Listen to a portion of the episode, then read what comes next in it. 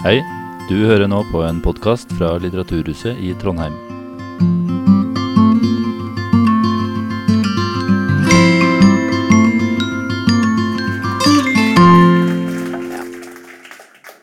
Ja. Jeg har liksom bare fått for vane å løpe på scenen. Det er på en måte mye bedre. Prøvde jeg å forklare Ronja, da. Men eh, Jeg eh, ja.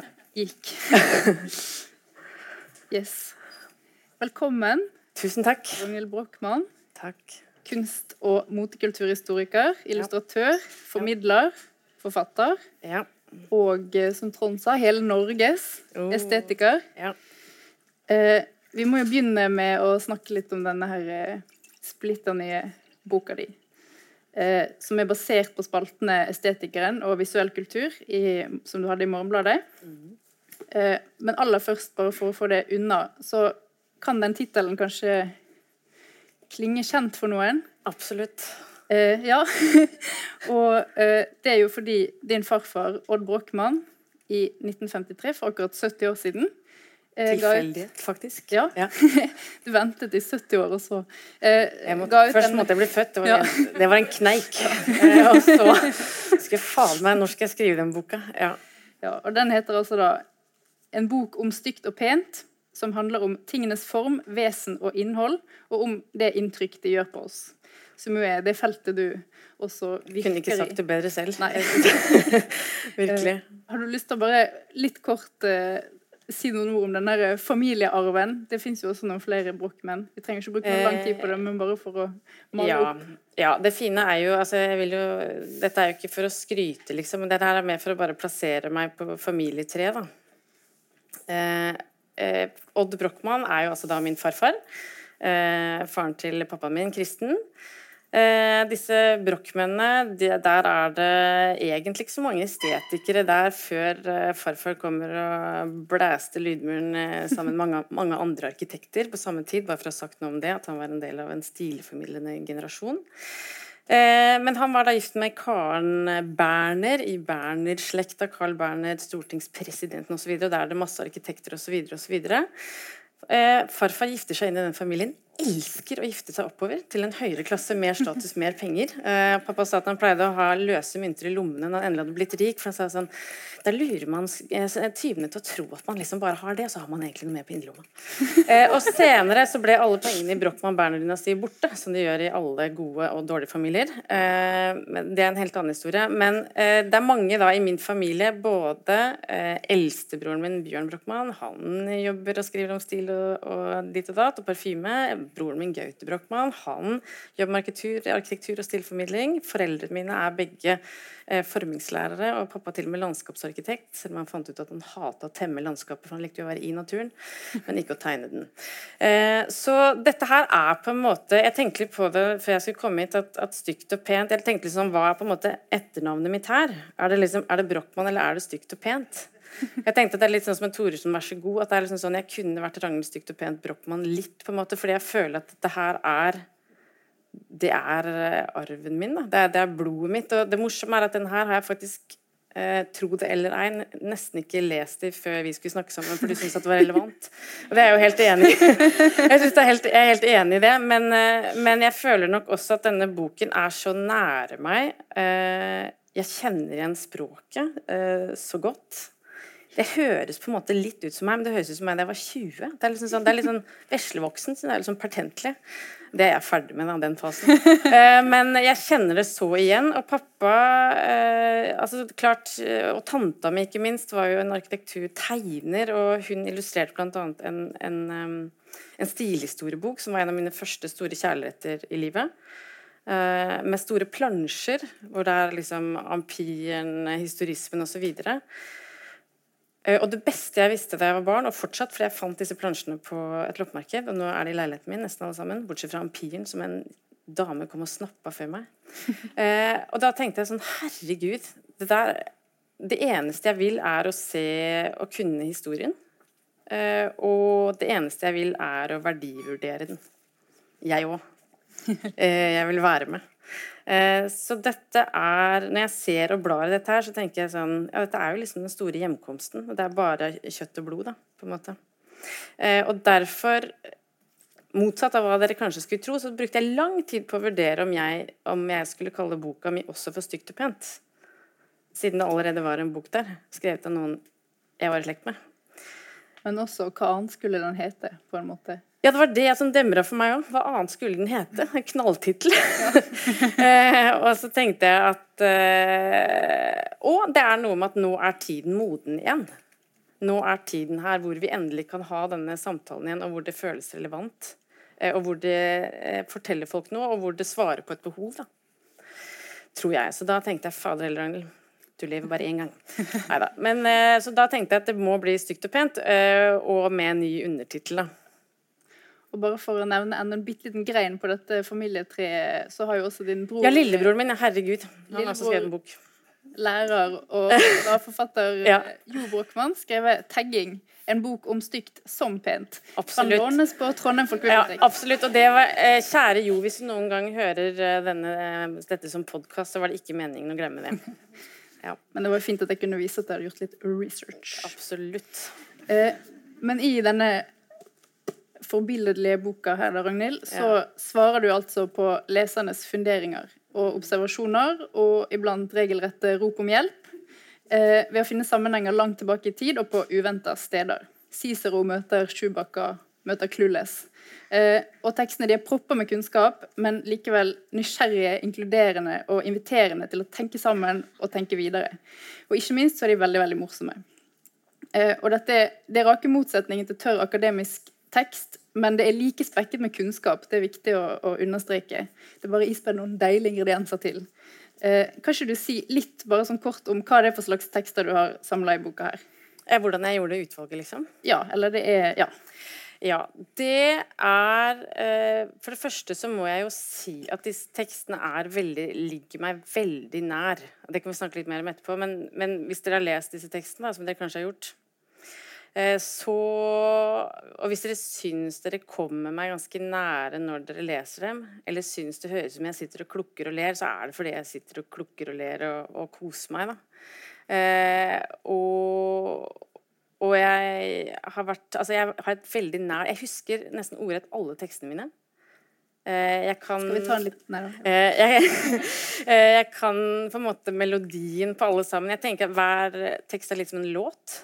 Jeg, jeg, har noen ganger tenkt at, at jeg gjerne skulle snakka med en eh, popmusiker. For jeg, jeg tror at uh, vi tenker ganske likt om hva det er å skrive noe som er fengende, både for den som lager det, selvfølgelig, men også for de som skal lese det. At, at du skal få lyst til å synge eh, og trolle på melodien. og og liksom nynne refrenget og prøve det på noen andre. Uh, og, og det jeg har prøvd å velge til likevel, siden jeg i grunnen eh, kunne godt tenke meg å ha hatt med enda flere, egentlig, når du spør. Men, men det jeg har tenkt, er for det første så er det jo en inndeling som, som begynner med kroppen og det som er aller nærest oss. Så er det klærne, som jeg bevisst har jeg ikke har tatt med de mest, mest motete motetekstene. For det er på en måte et helt eget felt og spekka med den helt egne vil jeg si, særlig i norsk kultur, motforestillinger og forklaringsbehov. Så jeg har vært veldig opptatt av uh, å gjøre det ganske åpent. Så kommer, uh, så kommer interiørene våre og, og, estetikken nærmest utenfor hjemmene våre. Så kommer det jeg har kalt fellesestetikken. Uh, kjøpesentrene, treningssentrene, Narvesenten, Narvesen, alle disse stedene som vi dessverre går ganske ofte, men lurer på hvorfor vi får så dårlig smak i munnen av etterpå. Og så til slutt arkitekturen. Så jeg hadde lyst til at det skulle være en slags dramaturgi, og så, og så har jeg valgt ut de tekstene som representerer forskjellige argumenter. Og forskjellige innganger til problemstillingen. fordi at det jeg fant ut når jeg hadde kikka på teksten igjen, er jo at eh, forbløffende mange egentlig rommer jo både et stort eller et konkret spørsmål, f.eks. er det fjollete å ønske seg pene eh, røykvarslere. Men det rommer jo også et helt annet eh, klassisk designspørsmål, nemlig må vanlige ting være stygge? Og er det forskjell på design og ting? Ikke sant? Som er et knallspørsmål og et stort spørsmål. Så jeg har forsøkt å plukke ut de tekstene som hver for seg tar opp noe som tilsynelatende er så dønn trivielt at du tenker sånn Ja, ja, herregud, alle vet jo det. Eh, men som egentlig handler om noe annet. da. Sånn at du, når du har lest denne boken, eh, ikke har kjedet deg et sekund, kanskje føler deg litt sånn mett. Jeg har liksom prøvd å si i forhold til Jeg tenker at det er litt som å spise konfekt. At du kanskje kan unne med to.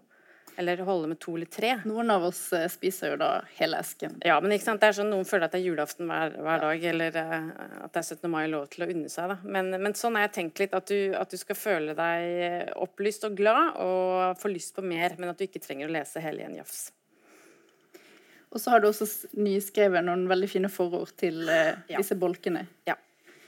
Eh, Tittelen 'Stygt og pent' mm. den er jo ganske bastant, på en ja. måte. Uh, men smaken er vel som baken? Eller fins det noen objektive sannheter? Ja. Ronja. Eh, dette er jo et eh, Her er vi liksom midt inne i det mest komplekse, tenker jeg. Og her er vi også inne i grunnen til hvorfor kalle boka stygt og pent nå. Og det er jo fordi at med overgangen fra et samfunn hvor materialene var forbeholdt de rike og de få, til et etter hvert overflodssamfunn og en demokratisering av alt fra mote til Eh, elegante hjemmevarer i en verden med Ikea og Hennes og Møritz, så er det klart at da har vi ikke lenger en verden som har polene stygt eller pent, men inn eller ut.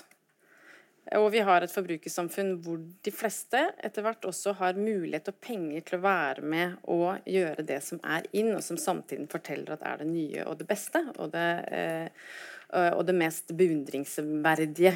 Du må, du må ha det som er trendy. Og inn i denne trendy eh, logikken så er stygt eller pent ikke lenger så relevant eh, som begrepspar. Eller det liker vi å tro. Og så er det også noe med at med eh, oppkommet av denne her forbrukerkulturen, eh, så, så, inntreffer det også en slags forståelse av at ja, men vi trenger jo ikke fageksperter på stil altså, Arkitektene bygger husene, ja, liksom, men, men, det er ikke så viktig for oss eh, at, at de forteller hva som er godt uh, byggeri eller god byggeskikk. Det er ikke så farlig at designer forteller hva som er gode, forbilledlige gjenstander. Det er ikke så farlig at uh, moteskaperne egentlig får lov til å diktere, sånn som de gjorde på 50-tallet. At, at uh, når de sa dette her er årets kjolelengde, eller dette er ermene i årets kåper, så var det jo sånn på 50- og til og med på 60-tallet at hele garderoben og hele stillandskapet endret seg fordi de sa at nå er det sånn. ikke sant? Og Det er en sånn eh, klassisk historie innenfor motefaget at det var en kjent ambassadefrue, hun fløy fra England, skulle over til Kina. Så dro hun med én stil, og så får mellomlander de, så får hun vite herregud, det er nytt diktat fra Paris. Shit, liksom! Nå er kjolelengden er under kneet. Herregud, jeg har ned, liksom, jeg er på tjukkleggen what to do. ikke sant? Og da må hun jo sy opp hele garderoben. Alt må endres på. for hvis hun kommer dit da i den gale garderoben, så ser hun ut som hun er ikke bare ut, men dum. Fordi hun forstår ikke samtiden sin, representerer ikke den anerkjente måten å representere samtiden sin på, og da heller ikke sin mann. Eh, og, og, da var det superviktig, ikke sant. Eh, men så kommer den til en tid med, med, med en ny generasjon, ungdommen, det er en massiv demokratisering av stil og stilformidling i det hele tatt. Eh, stilen går fortere og fortere, og det må den også gjøre, fordi må, bransjen må pumpe ut flere og flere varer hele tiden. Og inn i den eh, balletten der, eh, og det nye, ekstremt kjappe maskineriet, så mister vi troen på at eksperten skal få lov til å fortelle oss hva som er stygt og hva som er pent. Fordi at det eneste vi egentlig har lyst til, er å være med, og så hører vi på diktatene til de som kommer med det nye. bare. Eh, og, I kjølvannet av det så blir jo f.eks. Eh, stilpressen, sånn som Bonytt, går fra å være et fagblad ment for å fortelle Gud og hvermannsen, si, vanlige folk, hva som er eh, kvalitativt bra og dårlig, til å bli et livsstilsmagasin. Eh, og det anbefaler jeg alle. Det er så morsomt eh, å kikke i de gamle arkivene, for da ser dere på en måte som først forteller man her er husene, sånn er det bygget, her er materialiteten, og ganske mye artig skriving. og Det er flere som frekker i kjeften nå. Det er farfar og Bernt Heiberg og, og kompani, og de har stor glede over å fortelle hva som er bra og dårlig, og hvorfor. Og så er det sånn, og så kommer 60-tallet, og folk begynner å få så god råd. Og så får de litt dårligere råd igjen, men da er det sånn eh, do it yourself, og du kan bygge badstue på hytta. Herregud, du kan være med, du òg. Det er nakne folk, og det er god stemning. BH av gamle Ja, ja, for eksempel sånn, Hvis du ikke har råd til nye potteplanter, så bare, kan du bare kutte av en ananas og sette den opp i potte. Herregud, liksom, sånn, Alle kan være med. Så deilig med stil og kult. Og, ikke sant? Sånn blir det da. Og det er den arven vi sitter med nå, da. Ja. Eh, alle kan jo gå og se Bonytt, og så skjønner de på en måte hvordan det har gått. Eh, og, og, da kommer vi til det jeg pleier å kalle for plussordjournalistikken, som er en journalistikk som sier at noe er ikke bra, men inn. Men ikke hvorfor det er det. Nei. For det tror vi ikke lenger at vi trenger å vite. Mens ekspertise og sånn, ikke sant, da er det sånn Å ja, Sissel Gran, det er sånn, å, jeg må vite hvordan det er man skal gjøre med kjærlighetslivet, eller en annen psykolog, eller, eller Dag og hesten, liksom. Det er bra. Der er det liksom ekspertisebehov. Når det gjelder stil, så er det sånn Å, jeg har funnet, å, jeg har funnet en ny sånn stilblogg. Jeg, synes jeg og blått. Å, herregud, er så fint. um, ikke sant? Og så kommer arkitekturopprøret, og det er veldig nyttig da, for eh, følelsene rundt dette her. Plutselig så skjønner vi at, at det fins. Det er ikke en myte at det er stygt og pent. Og det er ikke bare smaken og baken osv. Det er helt reelt. Og det føles. Om du føler det i møte med Munch eller Nasjonalmuseet eller det er, ikke så, det er ikke så farlig hvor du føler, eller på Lade. Du, du, du, det er ikke så farlig. Men, men, dette er merkbare størrelser, og plutselig så er det sånn Jeg tror vi alle sammen følte at eh, Først så så vi Barcode, liksom, og så er det sånn Herregud. Legoklosser i Oslo. Og det er, fy fader, så internasjonalt. Det er helt eventyrlig. Er det virkelig kan, er, er, det lov? Skyline. Ja, det er en skyline, og det så så bra ut på Beforeigners og alt mulig slags TV. Det, ja. det var nesten som i utlandet. Ja. Uh, og vi kunne være med helt til topp. Uh, og sånn tror jeg mange tenkte sånn, men sant, så kunne de holde seg der nede i Bjørvika som et slags lite sånn aparte prosjekt. Og så skjønner vi at alt bygges sånn, at TEK17 har tatt rotta på oss uh, i lang tid allerede, og at leilighetene har balkong fordi de ikke har lys og luft inne. At det er sånn hamsterbu som er montert utapå, liksom. Eh, og, så jeg tror plutselig så er det demra for folk at, vi, at, det er, at, det er, kjempeproblematisk for samfunnet at vi ikke lenger har et språk for stygt og pent. Eh, og at vi har malt oss inn i en slags eh, modernistisk lite hjørne. Eh, hvor vi trodde at form og funksjon og alt dette bare skulle At det bare gikk av seg selv, at det var sant. Og at alt ble bedre og bedre, som eh, folk har fortalt oss selv siden opplysningstiden og 1600-tallet, hvor, hvor, dette her litt sånn vanskelige idealet begynner. da, At alt bare blir bedre. Det blir bare finere og finere og smartere og smartere og sånn. Eh, og så skjønner vi at det er ikke sånn, da. Verken når det gjelder demokrati eller eh, arkitektur, f.eks. Og det tror jeg er et sjokk for oss. Kjempeoverraskende. Jeg, òg trodde at det bare ble bedre og bedre. Helt til for noen år siden. Barn av 90-tallet. Det var liksom sånn Avokado! woho! Balsamico. Clinton. Liksom. Ja, det gikk bare fremover. Jeg syns det. Eh, eh, og så kom Barcode, og så tror jeg jeg begynte det, Og så begynte jeg å lure litt. Dette er jo det fine for nervøs samtaleleder, at du eh, leverer ta, ta rotta, på, rotta på fronten. Men da lurer jeg eh, plutselig da på Har du fått noen skikkelig vanskelige spørsmål som du ikke har klart å svare på? Det er det fine med høy selvtillit. Nei da. Eh, nei, jeg Jeg har ikke rukket å svare på alle spørsmålene eh, som har kommet inn. Beklager hvis noen av dere sitter her i dag og har en høne å plukke med meg etterpå. Eh, men det er ett spørsmål hvor jeg tenkte Det er kanskje bare ett spørsmål jeg tenkte at det er jeg ikke så interessert i akkurat nå. Jeg vet ikke om jeg gidder å sette meg så inn i det heller. Det har skjedd faktisk bare én gang. Skal jeg si hva det var? Ja, det må du. Men egentlig er det ganske interessant, så nå fikk jeg egentlig litt lyst til å sette meg inn i det òg. Men, men, det handler om hvorvidt det er harry eller ikke med mattlakkerte biler. Opplagt harry. Uh, så, men det handler om biler og estetikk. Og egentlig er jeg litt interessert. Jeg kan faktisk noen bilmerker og greier. Ja, du kan det, ja. ja. Men det, da tenkte jeg at dette var en liten nøtt, faktisk. tar jeg seinere. Ja.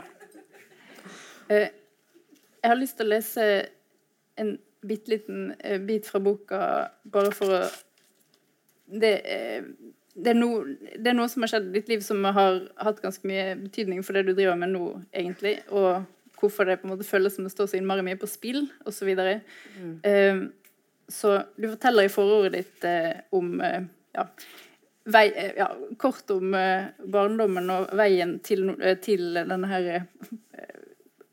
posisjonen du har ja, navigert deg fram til. Um, og da nevner du bl.a. at du begynner på KIO for å bli kostymedesigner. Finner plutselig ut at du liker å stikke og sy. Eh, og begynner på estetiske studier på Blindern. Eh, kanskje du skal bli kunsthistoriker, arkitekturhistoriker osv. Og, så og får en sånn akademisk high, blir kjempebegeistra for denne akademiske verden. Eh, og så skal jeg bare lese liten, et lite stykke fra forordet ditt her. Da er du på Blindern, altså. Jeg følte meg elektrisk. Ja, beklager, det blir på bergensk. Så kom nedturen. Langsomt begynte jeg å føle at det manglet et ledd mellom lesesalen og livet. Eller mellom boka og hodet. Hva var det? Jo, noe som begynner på F. Formidling.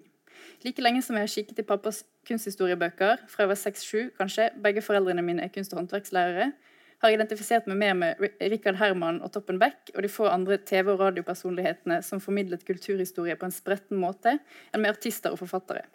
Jeg pleide sågar å leke Norge rundt ute i hagen, og flyttet meg fra epletreet til garasjen og tilbake igjen for å lage autentiske introduksjoner til de ulike innslagene.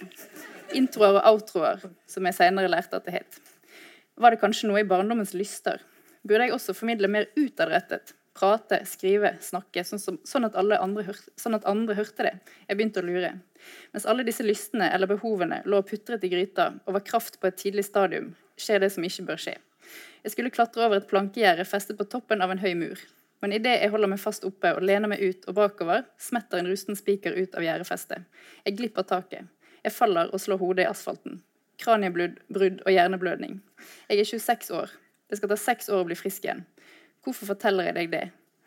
Og da tenkte jeg egentlig å spørre hvorfor.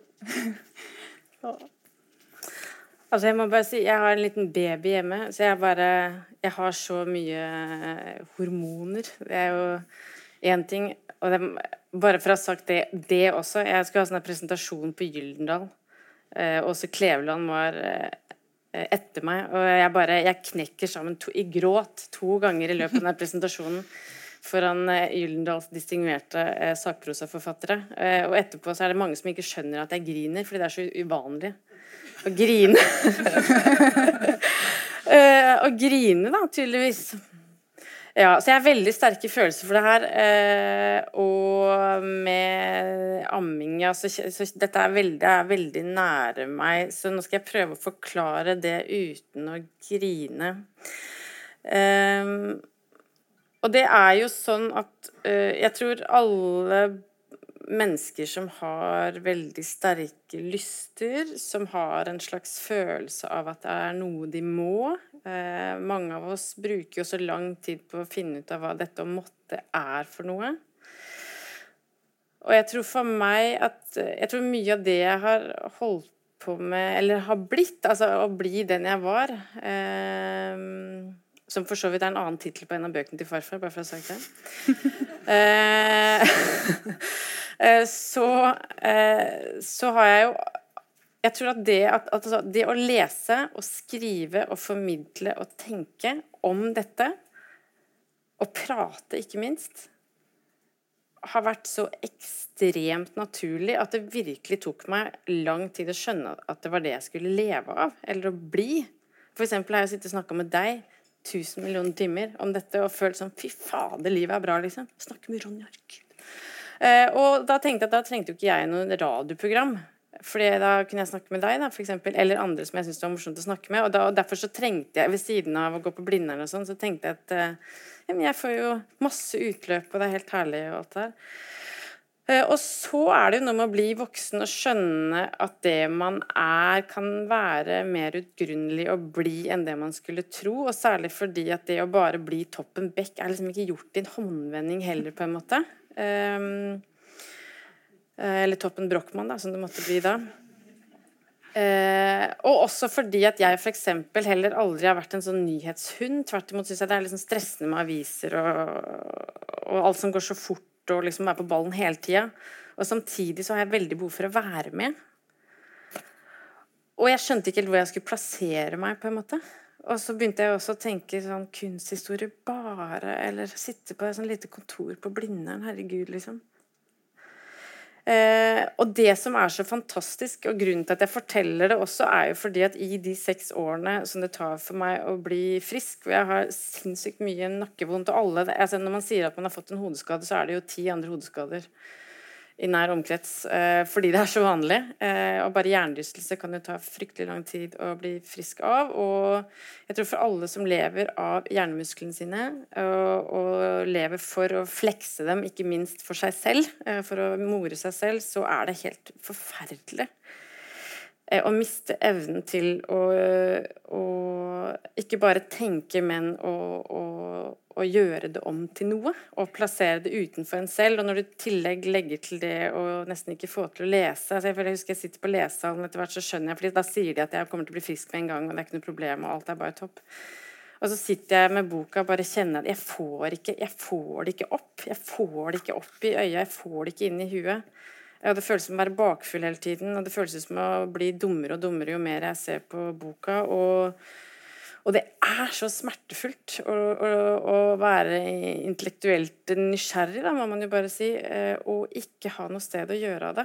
Ehm, så når jeg endelig begynner å bli frisk, og jeg har vært gjennom tusen runder med IBS og tarmtroll og hele den pakka der og og, og, det å være sånn midlertidig kronisk er jo også en, det er jo et liv hvor ingen forteller deg om det kommer til å bli bra noen gang. Så, så det samme høsten som jeg pitcher eh, Estetikeren, så sender jeg også en søknad til Nav om å bli 50 ufør. Uff. Det er jo helt fryktelig å bli sånn Det var det jeg sa til deg på forhånd, at det er sånn, jeg vil ikke at det skal bli sånn Lindmo, at det kommer på Pew. At jeg har sånn sterk historie, at det er derfor jeg er her. liksom Stygt og pent. Eh, men eh, ja. Eh, men jeg tror det, det, er liksom, det er jo gledestårer fordi det så så innmari svart ut, bare.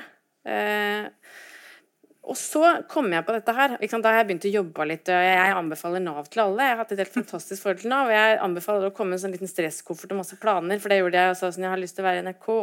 Der har jeg jobba litt før, og kan vi få til det? Og det tror jeg blir kjempebra. Skal vi bare ringe til kulturavdelinga nå? Og det gjorde vi, da. Eh, Eh, og det vil jeg bare ha sagt at Der møtte jeg kona til Bjarte Tjøstheim. er det ikke det heter? Eh, hun er HR-ansvarlig. Eh, herregud, koselig dame. Og Hun viste meg bryllupsbilde av dem og hadde så stor sympati og syntes det var helt topp. Og mente at jeg virkelig passa inn der. Ja. Så det er bare ring, folk er bare, det er bare folk overalt. Så det, hvis du har en hodeskade, ring, ring Nav og, og, og, bare forhør deg om det ikke er plass der du har mest lyst til å være. Fordi ofte er døra åpen. Det er min erfaring. Eh, og særlig det hjelper å blottstille seg, for da liker jo folk deg ganske godt. Du er også bare et menneske, Ragnhild Brochmann. eh, eh, så, så, da, når jeg liksom har, da jeg har kommet til vateret, når jeg begynner å føle at jeg er litt meg sjøl, jeg har det kjempegøy på jobb Jeg har jo ikke hatt, ikke hatt noen kollegaer på seks år, da, omtrent, selv om jeg begynte å gjøre litt i den perioden og skrive litt. og alt det. Og så tenker jeg, blar jeg i Morgenbladet, som jeg ofte fyller meg med litt sånn angst. For jeg har egentlig lyst til å være med, jeg òg. Og broren min er der, på den ene og den andre, og så videre og så videre. Jeg tenker sånn, fader heller, Brochmann og Brochmann. Det er feil fornavn. Skulle stått Ragnhild. Eh, eh, jeg kjenner veldig på et sånt behov for å være med, og jeg er jo jente mellom brødre, så det er jo klart at her er det noen følelser. Eh, og at alle holder på med det samme, det var slett ikke bare lett. Eh, så da tenker jeg etikeren, etikeren, etikeren. Det er litt gøy, liksom, men estetikeren Kom igjen. Det er en no-brainer. Det er mye kulere. Eh, og estetikeren er meg, da. Eh, så da sender jeg, da jeg skrevet en artikkel eller to, så tenker jeg, jeg bare sånn Du, jeg tenker liksom estetikeren, det er kjempebra, for da kan vi snakke om sånn og sånn, sånn. Og så skriver jeg det, og så blir det veldig bra. Og det som er helt fantastisk med det, er at jeg tror sånn noen ganger i livet så faller liksom polletten ned. Eh, og det er et sånt øyeblikk. For jeg bare er helt sikker på at det kommer til å være riktig. Iallfall for meg. Eh, og det er litt sånn som jeg møter mannen min. Eller det vil jeg bare ha sagt. Lars er der. Ja, der er du. Der sitter faren til mannen min og hans eh, kjæreste. Eh, I januar eh, 2018, første uka, da kommer estetiker nummer én ut. Eh, så har jeg førstedaten med mannen min, Erlend, hvor jeg tenker sånn det, altså, det er jeg bare helt sikker på. Det tror jeg blir noe av. Eh, og jeg lager pilot til TV-programmet Ting i den første uka. Eh, og da er det liksom sånn Etter disse seks årene plutselig så står liksom planetene på linje, og da kan jeg liksom bare føle det. Det er ikke så ofte man får sånn kosmiske følelser, men akkurat da er det en sånn liten kosmisk følelse, tenker jeg sånn Nå. Nå tror jeg at noe nytt begynner. Og det ser man jo Altså, det opplever man jo også når man eh, ja, da kan du tenke deg å ligge på matta mi og slappe av, som man skal gjøre når man er syk i seks år, da, på en ja. måte. Litt sånn grovt regna. Jeg har altså så mye oppmagasinert. Det er så mye sevje som ikke er tappa. Jeg er helt Altså, jeg tenker noen ganger, hvis dere har sett den der eh, Askeladden og de gode hjelperne Vet dere han som sitter inne i en bua av 14 somrer og 7 vintrer, så han må holde seg for truten? Jeg føler liksom at jeg har vært han. Jeg sitter i den bua øh, og holder meg, holder meg til slutt Så kunne jeg sitte sånn. Jeg ble helt vill, på en måte. Eh, og det er det boka er, da. Det er et sånt frihetsbrøl. Eh, og det er ikke tull heller, liksom. Det er så ekstremt mye glede over å endelig finne et format, ikke minst i en, en veldig sånn nyhetsorientert uh, medieverden hvor man for det første ikke snakker om mote på den måten, ikke snakker om design, og nesten ikke snakker om hus heller. Da. Så, det, så det er jo noe med at Da tenkte jeg sånn Nå lurer jeg alle. Nå kan jeg hver uke snakke om det her uten at det er en nyhet. Genial. Mm. eh, og derfor vi må inn på språk Ja. eh, av disse grunnene her. Og vi skal innom vårt store felles språk for dette her, men jeg vil bare først eh, så vidt innom ditt personlige eh, språk. Eh, fordi at det, Ja, det, det er egentlig akkurat det du beskriver. Det bobler eh, over. Eh, eh, og man finner ord man lurer på er dette et ord, eller er det noe, noe Ragnhild har funnet på. Eh, så jeg skal bare lese Eller det er jo et ord. hvis det, ja. Eh, jeg skal bare lese et lite stykke. Jeg kunne valgt et hvilket som helst stykke. Nå ble det dette. Eh, det handler om eh, merker og logoer og sånt noe.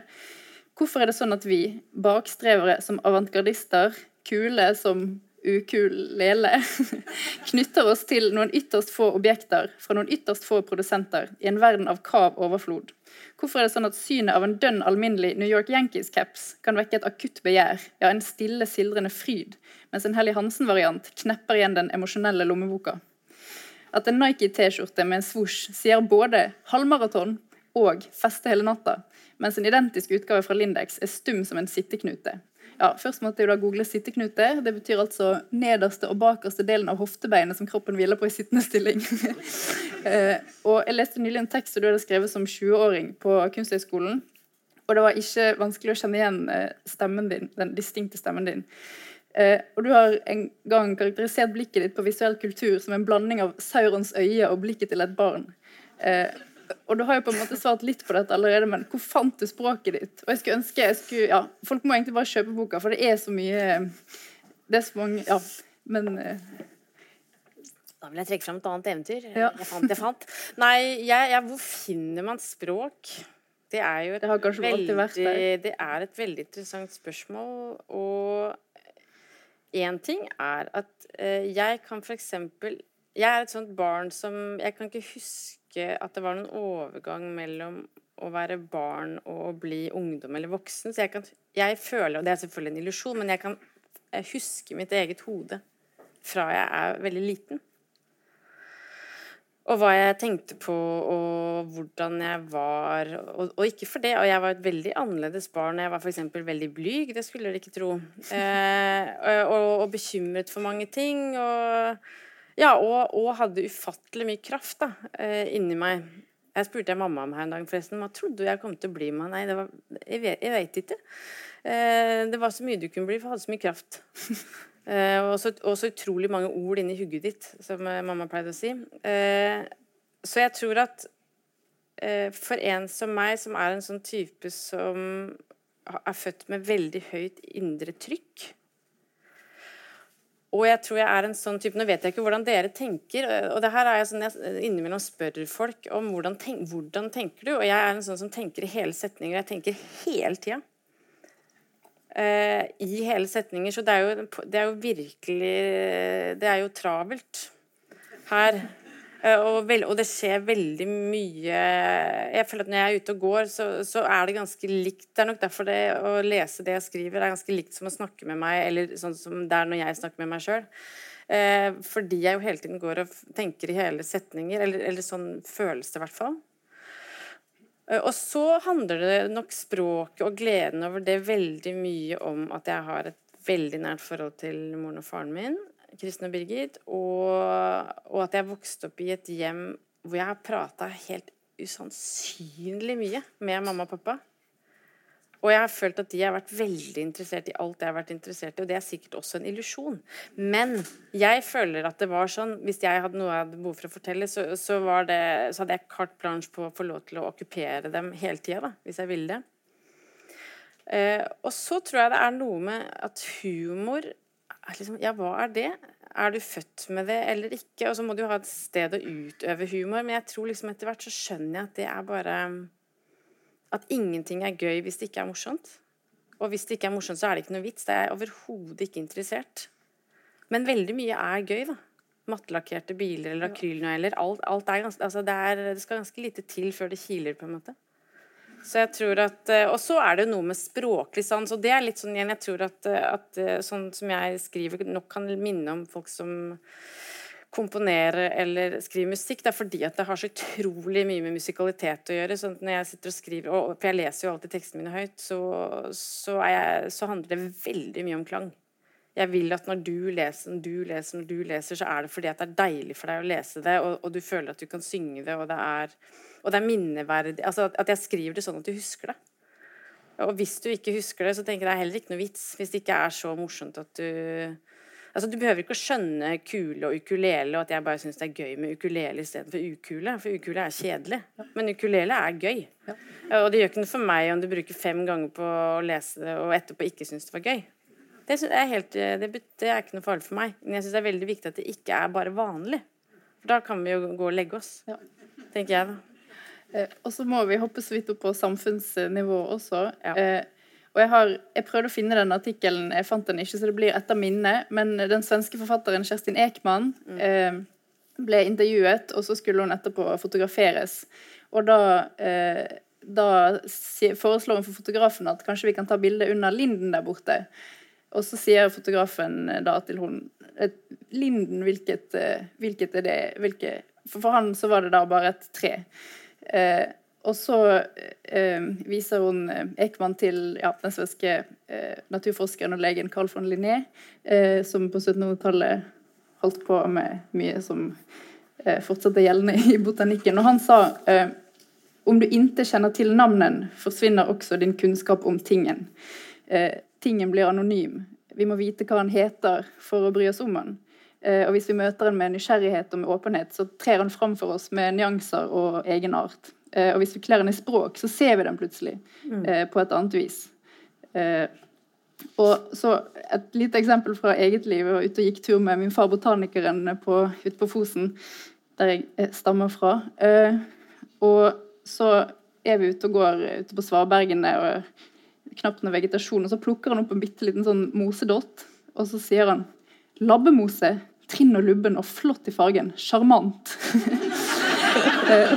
og plutselig så trer den der lille mosedotten frem. Jeg blir jo nesten litt uh, ja. Du får lyst til å grine, du òg? Ja, ja, men man blir glad i den. Plutselig.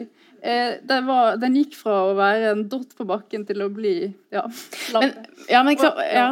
Nei, bare, ja, det er egentlig bare det. Et oppspark. Jeg tenker at dette er veldig relatert til det du, kjernen i det du holder på med. Ja, det kunne ikke vært vakrere beskrevet. Og, og, og det er jo nettopp det. altså jeg tenker sånn, Det har jeg jo skrevet eh, også i noen, en tekst inne i, boka. Og, og, det sier noe om liksom, min lek tilbake til jeg må huske hodet mitt. og Hvis jeg liksom skal komprimere hva mitt liv og mitt syn eh, og mitt livssyn er, på en måte, og min livslek, så er det jo å gå rundt og se.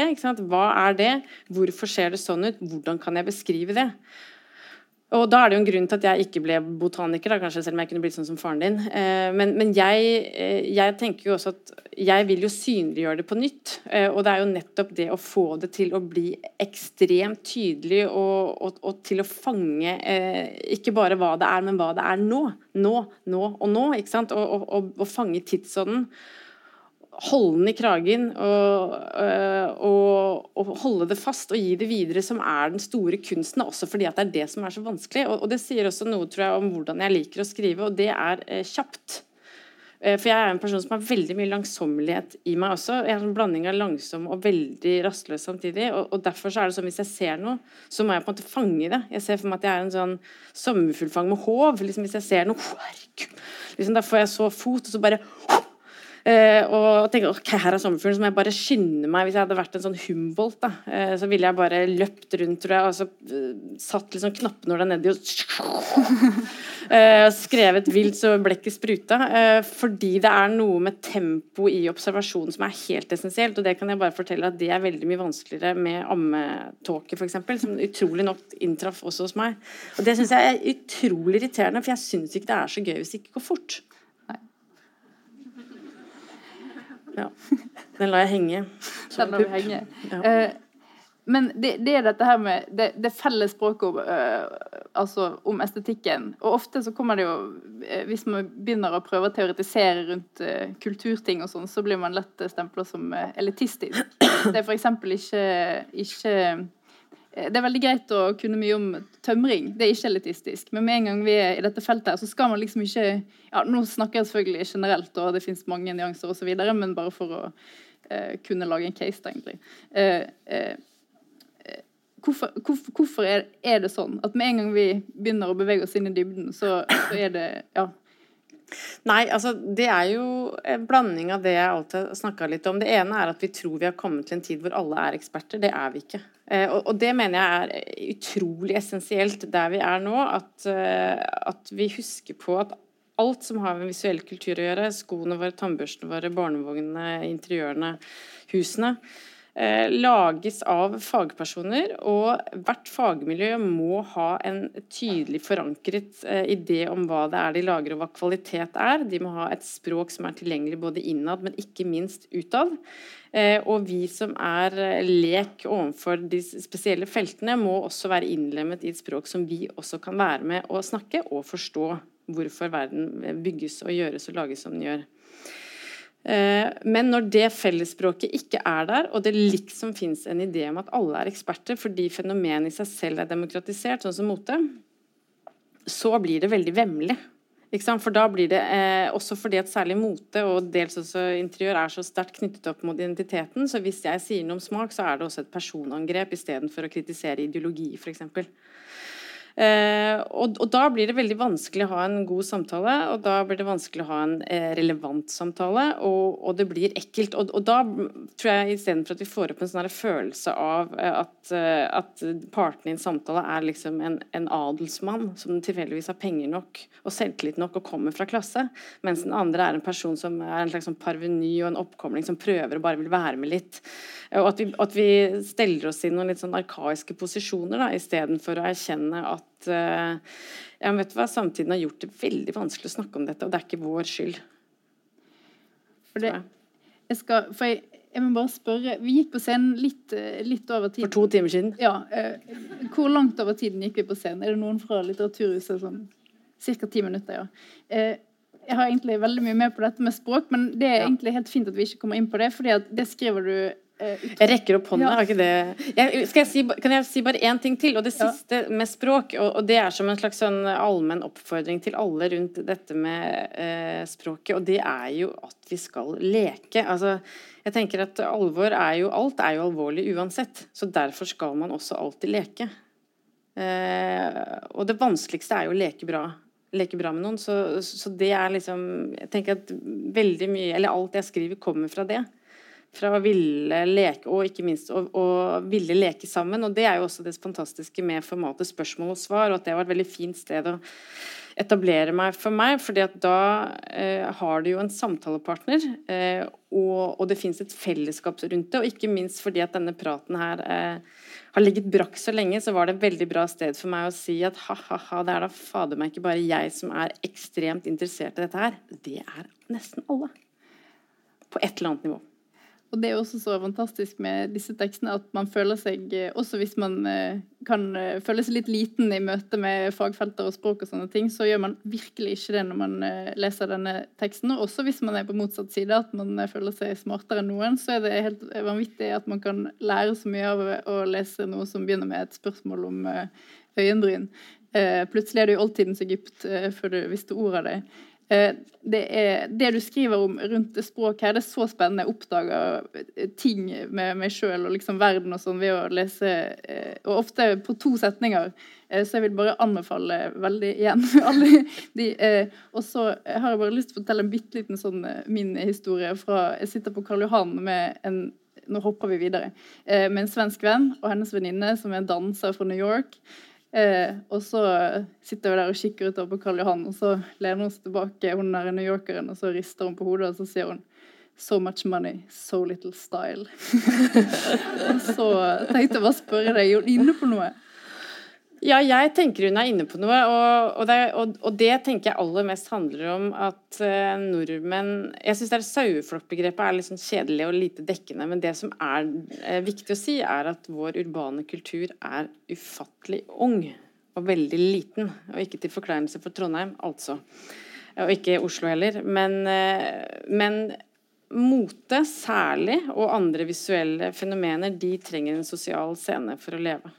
Eh, og uten den sosiale scenen og en kjent mekanikk med å se og bli sett, og, og inspireres, misunnes, eh, drømme og, og, leve seg inn i hverandres liv ute og mellom husene, så finnes ikke en, en tydelig eh, deling av kulturell kapital. og der har Norge et problem. og det var vanskelig nok fra før, og så kom kjøpesentrene for eksempel, Og det gjorde det ikke nødvendigvis så veldig mye lettere, for da går man jo bare inn og så kjøper det man skal og går ut igjen. på en måte. Eh, så, så, for, så, sånn som jeg tenker det, så er fraværet av en levende eh, urban kultur eh, det vanskeligste med nordmenn og eh, stil, og stil som en legitim, ikke bare interesse, men måte å være i verden på. Tror jeg. For det er jo eller man, eh, trange rammer, kan man si. Når man, for eksempel, vi gjør jo noen rare ting. Kanskje 50% av eh, befolkningen eller noe sånt maler seg sjøl i ansiktet hver dag. Det er jo egentlig litt merkelig, men det gjør vi. Men vi skal ikke male liksom så veldig langt utenfor eh, de måtte, overenskomne linjene før det plutselig Ja, ikke sant?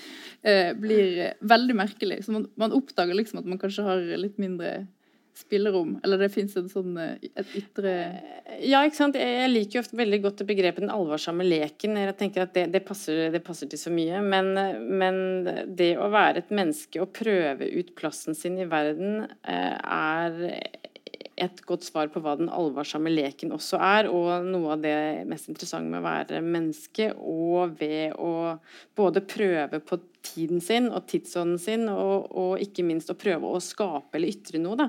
Og inn i det så tenker jeg at det er en annen veldig viktig komponent også, som spiller tilbake på hvorfor gi ut denne boka, hvorfor gi den ut nå, og det er jo at i Norge, når det er veldig liten kultur for både å snakke om mote på en ordentlig måte, eh, design i det hele tatt på en ordentlig måte, dels også til og med arkitektur, eh, så er jo det fordi at det representerer en visuell kultur som nettopp ikke snakker selv. Eh, og jeg tror nordmenn, når du ikke har en tydelig kultur for og en kutyme rundt hvordan samspillet er ute, og hvordan man setter pris på eh, hvordan ting ser ut, hvordan et eh, restaurantbord skal ordnes og redes, hvordan man skal sitte, hvordan gestikk skal være, hvordan man hilser, eh, ikke sant, alt dette her, så, eh, så, er det veldig vanskelig når det ikke finnes et språk der. Eh, så, Mens filmen, og musikken og litteraturen har et veldig tydelig språk, så tror jeg at for nordmenn for eksempel, så er det veldig mye lettere, for der eh, finnes det allerede et språk som gjør det vesentlig og viktig. Og så har vi all denne enorme kulturen som i prinsipp er verden vår, livet vårt, hverdagen vår, sånn vi ser ut, som vi ønsker å se ut hver dag hele tida. Eh, og jeg tror for veldig mange at det er overveldende at det, at det er veldig lite kjent eh, språk. da. Eh, og, og, tydelige fortellinger som man kan hekte seg på. Og, og, der tror jeg også at Norge har Der har vi et lite problem, særlig med å være en ung nasjon med en ganske også ung fortelling, særlig med å være et, et såkalt moderne land. Og så er det noen verdensomspennende fenomener også, som f.eks. dress. Ja. Menn har dress konger og presidenter har dress, milliardærer, filmstjerner, konfirmanter. Dress, mm. dress, dress. Eh, og så er det sikkert noen som husker da Helle Thorning-Schmidt eh, ble valgt som eh, ja, Danmarks første kvinnelige statsminister.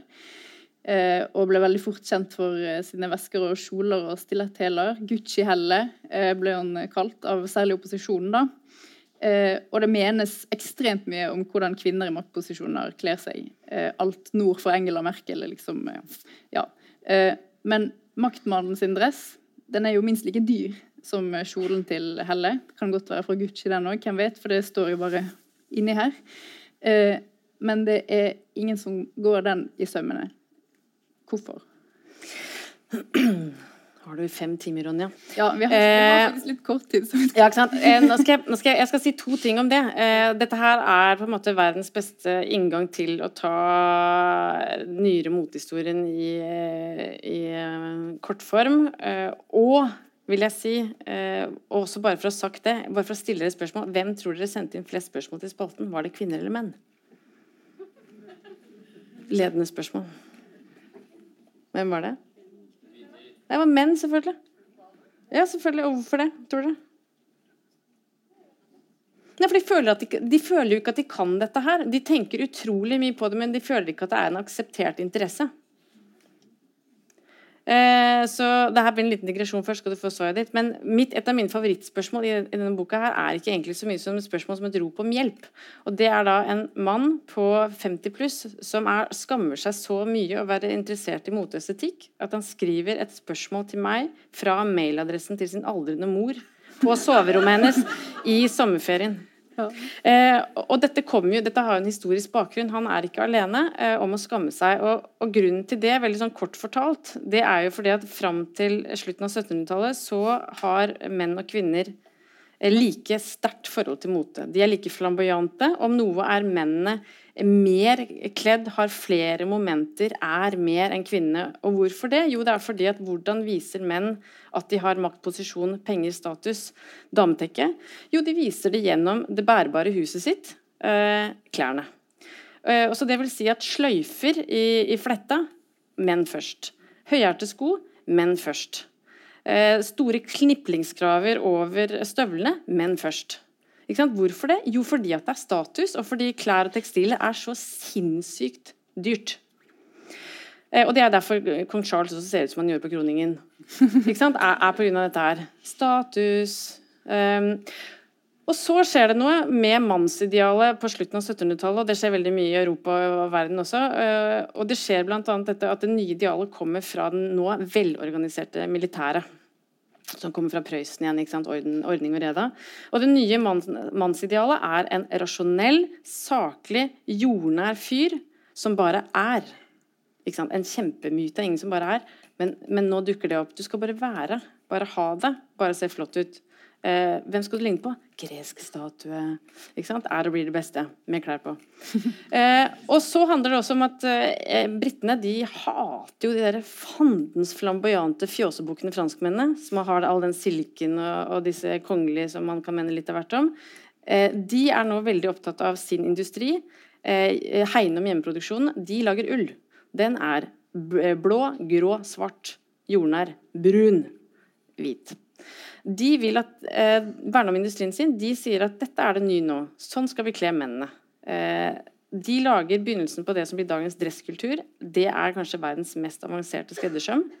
Men den kommer med illusjonen om at den ikke er laget. Den bare sitter på kroppen. Og til og med så var det sånn at, at mange dressjakker er battert ut sånn at du får flottere overkropp, bedre rygg, finere holdning. Til og med menn dro i krigen med korsett, for da så du bedre ut når du paraderte. Eh, ikke sant? Kjempeillusjon. Eh, og det eh, mannsidealet, det er så bra. Den drakten er så bra, ikke sant? og det markerer også mannens overgang fra eh, ikke sant, På vei inn i et mye større borgerskap. Flere og flere menn får stemmerett. De, de befolker verden før. Fram til tidlig 1800-tall så jobber jo kvinner og menn ganske likt. De deler arbeidsoppgaver. Adelen er én ting, borgerskapet er ganske lite. Plutselig så blir borgerskapet ganske stort.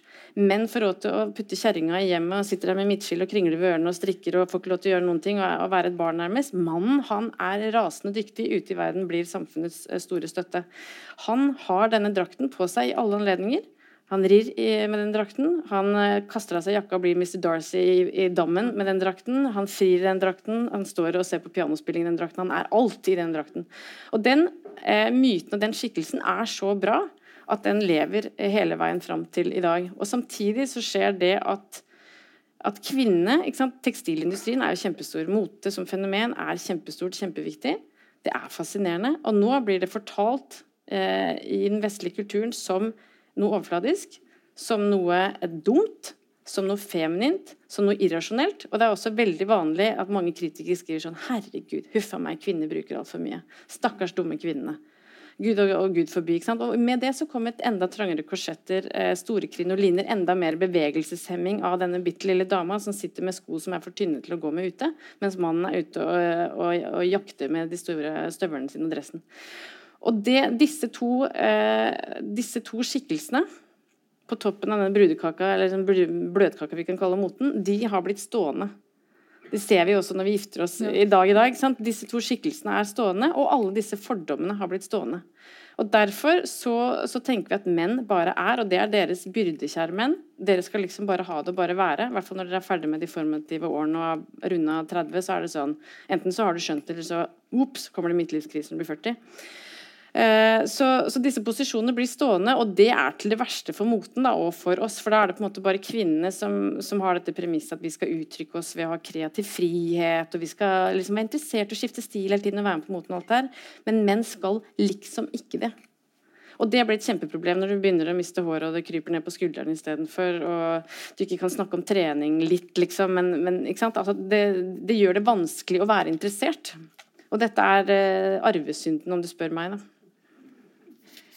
Jeg, skal, jeg, ser på klokken at vi skal avrunde nå. Vel, eller vi skal, vi skal, over til en bitte liten sånn uh, spørsmålssekvens. Vi skal ja. sjekke om det har kommet noe i den boksen der. Uh, men jeg har lyst til å bare spørre deg om én uh, bitte liten Eller først jeg bare lyst til å nevne en veldig fin ting som skjedde i dag. Og det var at vi skulle bare lime en liten munn på den boksen der. Ja. Og da åpnet du den her. Den var jo tørr som en ja, Skosåle. Ja. Og så luktet du, og så sa du ah, dette er min madeleinekake. Eh, for de som eh, husker Prost eh, sin tekst om at han tar en smak av en madeleinekake, og plutselig er han i barndommens dal.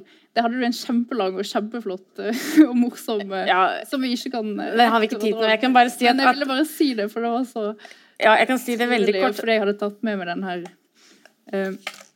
Grunnen til at jeg sa det, er bare fordi jeg ofte syns det har vært irriterende at alle er så utrolig beundrer den der madeleinekaka så innmari, mens det jo i prinsipp kan være alt. Altså alt har også med til barndommen eller noe som er viktig. Ja. Også denne. Altså Jeg er sju år og sitter og klipper og limer. Altså Det er jo helt fantastisk. Eh, så det var egentlig bare det, og det sier noe igjen om at litteratur, hva er det det er laget av? Ting. Ja. Ting, ting, ting, ting, ting, ting. Og gode beskrivelser av ting. Så hvor, mer eh, limstifter og færre madeleinekaker, da. Det var vel mer det. Eller både òg. Eller både òg. Eh, helt til slutt så har jeg lyst til å bare trekke fram noe som du sa for noen dager siden. Du, eh, det ble bokbadet uh, i Oslo, og så sa du eh, det er veldig sårbart å pynte seg som svar på noe annet. Og så plutselig så vandret samtalen videre. Men jeg ble så nysgjerrig på, på det utsagnet der. Kan ikke du fortelle hva du mener med det? Jo, jeg kan fortelle det, og det passer bra siden det nærmer seg 17. mai. Eh, og 17. mai er altså da en av mine favorittdager fordi folk har pyntet seg på ordentlig. Eh, og når man gjør noe på ordentlig og pynter seg så fint man kan, da er det ingen steder å gjemme seg. Da fremstår vi for hverandre blått og bart og mener at vi er fine på ordentlig. Det er ikke noe stygt, men pent og antimot og ha-ha. Kanskje er det noen som har joggesko til, men, men bunaden er på ordentlig. Det er et ekte forsøk på å være fin. Eh, og i en samtid som har veldig lite kutyme og få idealer om det stygge og det pene sånn eh, tilsynelatende, så, så, så, er det å pynte seg så pent man kan noe av det vakreste man kan gjøre for seg selv, men ikke minst for samfunnet. Fordi da fremstår du på ditt mest ærlige. Vit det når dere kommenterer eh, kjæreste, kone eller mann når du kommer ut fra badet 17. mai. De mener det på ordentlig og trenger at noen sier at de er fine. Nå springer jeg og henter den der lille boksen vår. Ja. Jeg føler at Nå blir det nesten som barne-TV-program. Er ikke det litt koselig? Nå skal ha en sånn liten vignett. Du, du, du, du, har limt igjen? Ja, for den datt fra hverandre. Ja. Eh, for at jeg ikke skulle ta opp i den? Hvis det er noen veldig ivrige spørsmålsstillere i salen, så fins det en mikrofon her. Ja, ja. Så, så, hvis noen brenner inne med noe som de ikke har rukket å stappe i boksen, så har Litteraturhuset en mikrofon de kan sende rundt. Ja. Men ellers så krysser vi fingrene for at det er noen som har eh, Og det vil jeg bare ha sagt, bli ikke lei om spørsmålet ditt ikke dukker opp nå. Eh, kjenner jeg meg rett, så rekker vi ikke mer enn to. Eh, men da blir de med meg hjem, sånn at det kan jo hende at det kommer et svar senere. Skal vi se Ja Hva er fin arkitektur? Og hvorfor er ikke vi enige med fagfolk? Alle elsker jo Bakklandet og Møllenberg, men ingen bygger det nå. Jeg, sy jeg syns jeg bor i Murmansk på 80-tallet når jeg bor på Lade. Eplehagene på Lade er under press, for her skal det byutvikles. Er byfortetting alltid stygt? Vi trenger ikke kopiere 100 år siden, men går det ikke an å gjøre det koselig? Hilsen Blåkontoret. Ja, Da vil jeg vise til siste seksjon i denne boka her, som handler litt om det. Eh, og si, jeg skal prøve å svare veldig kort da, for en gangs skyld. Og da kan jeg si noe om som så at eh, utfordringen med samtidens arkitektur er jo at eh, vi har laget eh, en slags idé om at det rettvinklede, altså skallet fra modernismen, den mest eh, enkleste, billigste, mest materialtrette formen, den rette kuben med de små øyelokkløse vinduene er moderne og er det nyeste. Og at tradisjon er noe bakstreversk, og med det også kvaliteten som følger med. Og med å sette opp det som et slags sånn bipolart regnestykke og et enten-eller, så blir vi veldig fanget i en gitt stil som enhver tid er. Da. De fleste tider bygger ikke mange forskjellige stilarter, dessverre. De gjorde ikke det på 1800-tallet. Da var det krummelur, krummelei eh, rundt om hele tiden. ikke sant? Så, så der kan du også si at Oslo er en litt kjedelig by fordi det nesten bare er 1880, f.eks. Så, så for meg så tenker jeg at, eh, at noe av hovedproblemet er at ideologien som ligger under, er for det første ganske fraværende. Eh, pengestrømmen som eh, Det er alt, både altfor mye penger og altfor lite kvalitet. ikke sant? Og, og det ser vi. Eh, og det gjør også arkitekturen dårlig. Da hopper jeg videre. Topp. Eh, ingen signatur, men hva er verst? Å ha dårlig stil eller ingen stil? Hvem har skrevet den? Eh, nei, altså da vil jeg først si er det mulig å ikke ha noen stil, da? Den kan dere tygge litt på i pausen.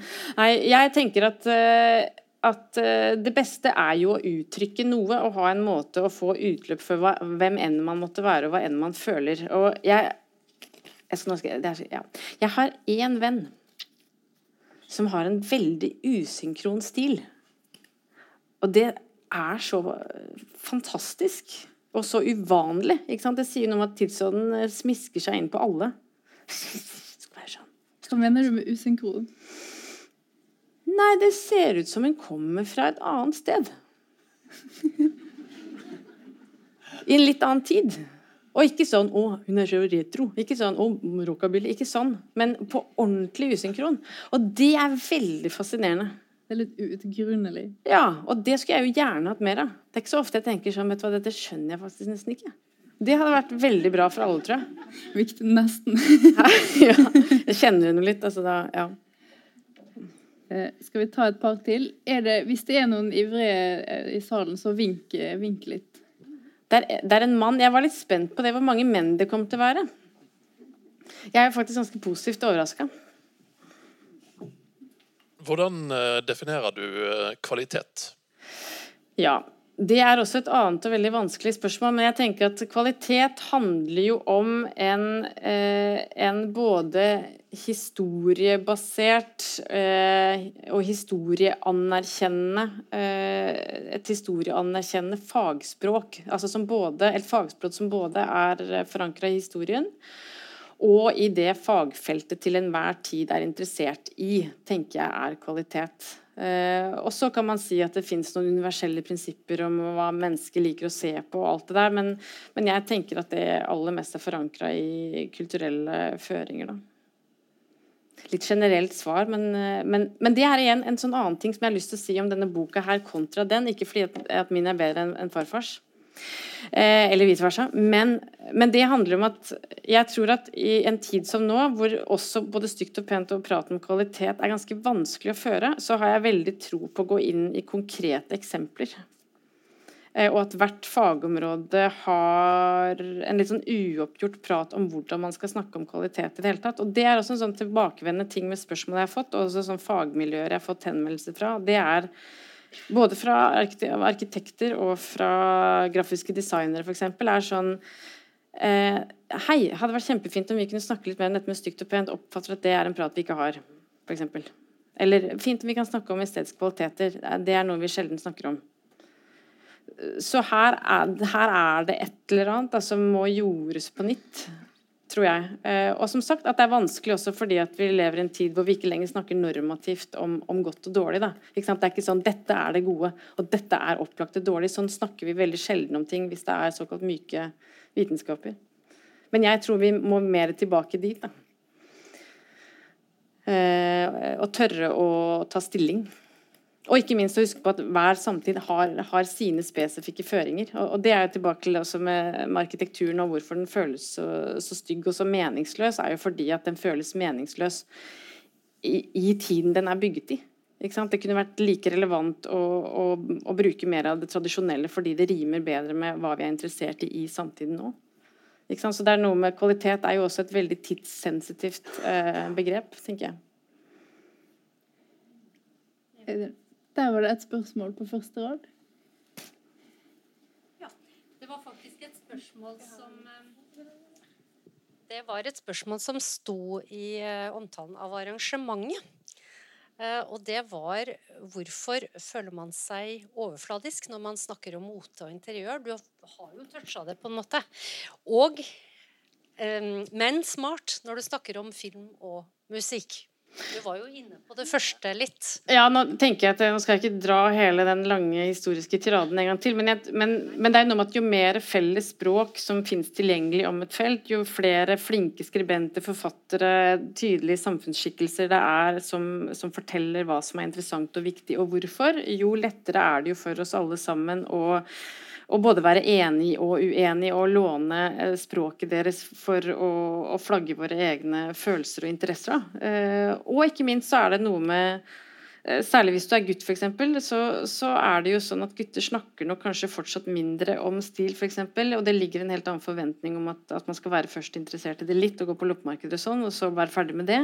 Mens jenter skal fortsette å ha det som en aktiv interesse, og ergo så snakker jo damer om det på en helt annen måte og har en annen kultur for det og et annet språk for det. Og hvis du da er mann og hopper rett inn i en prat om eh, hva man skal ha på seg til et, eh, før et julebord, så blir det en dum prat fordi det føles fremmed og ikke hatt den praten før, og vet ikke at det er masse interessante referanser rundt de andre julebordene og de andre referansene, og hvilken film eller ferie man har vært på. Eller, altså, det fins et helt stort kulturhistorisk lappeteppe som du, som du kan trekke inn. Da. Mens uh, hvis du skal snakke om noe Det er jo det samme som hvis jeg skulle begynne å snakke om bil. Liksom Tesla, eksempel. Jeg vet jo ingenting Tesla er. Jeg føler meg kjempedum. Det er kjedelig prat. Kjedelig prat for meg. Og også for den som kan masse, kanskje. Så, så, det, så det handler jo om det. Og så tror jeg igjen bare at det er veldig fremmedgjørende fordi det virker så rart at vi ikke vet masse om alt dette her. Dette er jo hver dag. Hvorfor veit du ikke masse om soverommet ditt? Det virker jo veldig merkelig, på en måte. Kjøkkenskuffen din. Bruker den hver dag, jeg. Ja. Jeg tar et kjapt et fra boksen igjen. Hvorfor er stålamper så stygge? Ja, det syns jeg, altså, jeg, er et av de beste spørsmålene jeg har fått noen gang, egentlig. Eh, og det tror jeg er på en måte den moderne, skrekkelige forbrukerkulturen inkarnert. Eh, og jeg tror også at det handler om at veldig mange har en erfaring at de har flytta inn i et kollektiv. Der står det en Ikea stålampe på halv tolv. Eh, som har liksom sånn jeg hjelper deg med to ting. Jeg gir både lys oppe og lys nede. Men så er det sånn Men, men, det, er, men det, fungerer ikke. Eh, og, og, det her er en sånn annen interessant ting, og jeg tror det er derfor folk river av seg håret når de pusser opp. Og det er fordi at lyssetting er kjempevanskelig. Og lys skal jo stort sett reflektere på en flate for å kaste lys, og du må skjønne hva slags rom du har, dimensjoner og farger og alt mulig. Og så kommer den og, og virker som løsning på alt. men, så, men så skjer det på en måte ingenting. Dårlig stemning blir det, og, og eh, kollektiv fortsetter sin skjeve gang. Jeg har jo prøvd å forhandle til meg en sånn der hjemme, for jeg syns det er så praktisk at den bare belyser Men uh, vi får se hvor den Men det fins fine stålamper òg, men du må ha noe i taket, men ikke en plafond. Jeg bare sier det. Ikke fordi det er stygt, men fordi det er dårlig lys. Er det noen flere spørsmål i salen? Om stålamper. Skal vi ta et siste fra boksen før vi avrunder? Eh, det var veldig mange fine her, så det var vanskelig å velge. Men nå, nå tar jeg bare en. Og så blir disse spørsmålene de blir med deg hjem. Plutselig dukker det kanskje opp eh, et sted. Da kom toeren. Ja. Spørsmål fra Trondheim litteraturhus. En knallbok. Ja. ja. Eh, hvorfor har det blitt fint å se kunstig ut? Ingen mimikk, mimikk, ingenting. Er det et nytt skjønnhetsideal, eller er det bare dødsangsten som manifesterer seg? Hilsen smilerynker. Hilsen smilerynker. Ja, nei, Det der er et veldig godt spørsmål, og det skal jeg prøve å svare veldig kort på sånn. For det første, menneskene har alltid hatt lyst til å være noe mer enn små, nakne menneskeaper. Vi har dekorert oss og satt bein gjennom nesa og fylt ut leppa. og Gjort ikke sant, de utroligste ting fra vi var veldig små og nesten bare aper. Så dette er et slags behov, da, å se hva vi kan få til. Og, og det her tror jeg er veldig viktig å anerkjenne. Vi syns ikke det er morsomt å være bare kjøtt og blod og bein. Dessverre. Og Samtidig så har vi i perioder veldig sterke idealer om det naturlige. Eh, og Grekerne for eksempel, veldig, var veldig besatt av dette. her. Eksempel var Monobryn var veldig vakkert, men hvis du ikke hadde det, så klipte jeg geiteskinn og limte det med, med kvae mellom brynene. Ikke sant? Så ikke sant? Å, grekerne! Apropos stollampe. Mm. Eh, slett ikke naturlig i det hele tatt. Og de hvite tudene osv. Så, så, videre. så dette har, vi gjort, dette har vi gjort hele tiden. Og så er det noe med at jo mer avansert teknologi vi har, om det er liksom genmodifikasjon eller eh, kraftutvinning, hva enn altså Hvis det kommer en ny teknologi som gjør et eller annet eh, bedre fordi det er nytt, så kommer kløen så klarer vi ikke å, slutte å klø, og så må vi bare prøve det.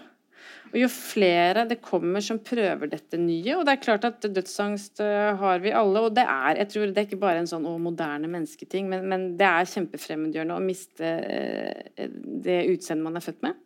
Og jeg tror de fleste stopper sikkert på et eller annet tidspunkt. Det kan være at jeg kommer til å stoppe her, og så tror jeg at det ikke skjer noen ting, og så ser jeg meg i speilet, og så er det kjemperart uh, at jeg en gang også skal bli en gammel dame. Eh, og når det da kommer noen som Nicole Kidman for eksempel, som bestemmer for, altså for, å balsamere seg selv i en alder av 52 da, eller et eller annet, for eksempel, så er det jo klart at da setter jo det en presedens for all right, de som har mest makt og innflytelse, er kjent som de vakre, gjør dette. Det betyr at dette er det vakre. Det gir en viss status, det gir en posisjon. Ok, hvorfor ikke prøve det? Og så blir teknologien billigere og billigere. Og vi lever i et mer og mer utseendefiksert samfunn. Dette er heller ikke noe nytt, det er bare at flatene og flagget deg sjøl gjennom utseendet har blitt så mange flere. Og da blir det veldig vanskelig å ikke være med på dette. Og det, og det er jo det nye nå. ikke sant? At det er jo mest unge jenter som, som setter Restylane og Botox preventivt. ikke sant? Så kan man jo la den henge i lufta som en stor uh, atombombe, på en måte. Uh, men det sagt, det er ikke så rart. Det er en forlengelse av, av menneskets uh, kløe. Og med det så så sier jeg tusen takk, eh, Ragnhild Brochmann. Du eh, du kommer til å sitte her. Ja, hvis man vil ha en signert bok, så kan jeg godt lime inn noe i boka di. Nei da. Nei, det kan du ikke. Denne, ja, det kan jeg faktisk ikke. Hvis dere, ja, der selges det bøker. Hvis dere vil ha en personlig hilsen, vær så god. Hvis dere har lyst til å putte noe inn i boksen min, så kan dere det. Og så vet man jo aldri hva som skjer i fremtiden. Og så selger du også noen eh, plakater. Har også laget noen plakater. Eh, de kan man også kjøpe hvis du har lyst til å ha stygt og pent på veggen din hjemme også. Så, da, så kan vi være sammen hele tiden, er det jeg har tenkt. Eh, og den kan man også få signert da, hvis man vil det. Da forlater jeg det bare her. Jeg, Men Ronja, nå som det var så hyggelig. Så sier vi tusen takk, alle sammen.